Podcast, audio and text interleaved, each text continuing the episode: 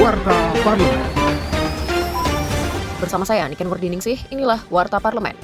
Dalam sidang darurat kelima Parlemen Organisasi Kerjasama Islam dan pertemuan perdana Komisi Khusus Palestina Parlemen Asia, Ketua Badan Kerjasama Antar Parlemen DPR RI Fadli Zon mengusulkan langkah-langkah konkret dalam upaya mendukung perjuangan Palestina. Usulan tersebut antara lain Parlemen Oki memberikan dukungan penuh atas permohonan Afrika Selatan di Mahkamah Internasional, mendorong Palestina menjadi anggota penuh PBB, menolak normalisasi dengan Israel, mendukung gerakan isolasi Israel dari interaksi antar negara melalui kampanye BDS, dan mengirim surat resmi ke Interparliamentary Union.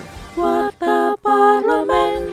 Anggota Komisi 11 DPR RI, Ahmad Najib Kodratullah, mengajak masyarakat berpartisipasi dalam menyukseskan dan menjaga kondusivitas pemilu 2024. Nah, saya juga mengajak para generasi milenial, generasi Z kita melakukan haknya, melaksanakan haknya untuk ikut partisipasi dengan cara ikut memilih, datang ke TPS, menentukan lima tahun nasib bangsa ini. Jangan diam. Tentu pemilu yang baik ini ketika melakukan sebuah argumentasi pandangan-pandangan yang dikedepankan adalah akal sehat, yang dikedepankan adalah ide dan gagasan untuk kemajuan bangsa ini. Informasi selengkapnya kunjungi laman dpr.go.id.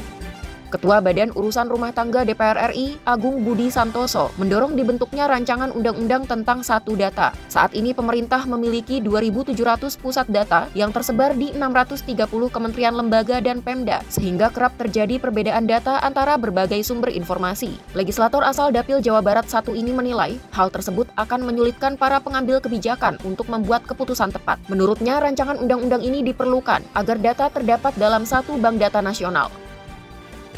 Televisi Radio Parlemen. Demikian Warta Parlemen, Produksi Televisi dan Radio Parlemen, Biro Pemberitaan Parlemen, Setjen DPR RI.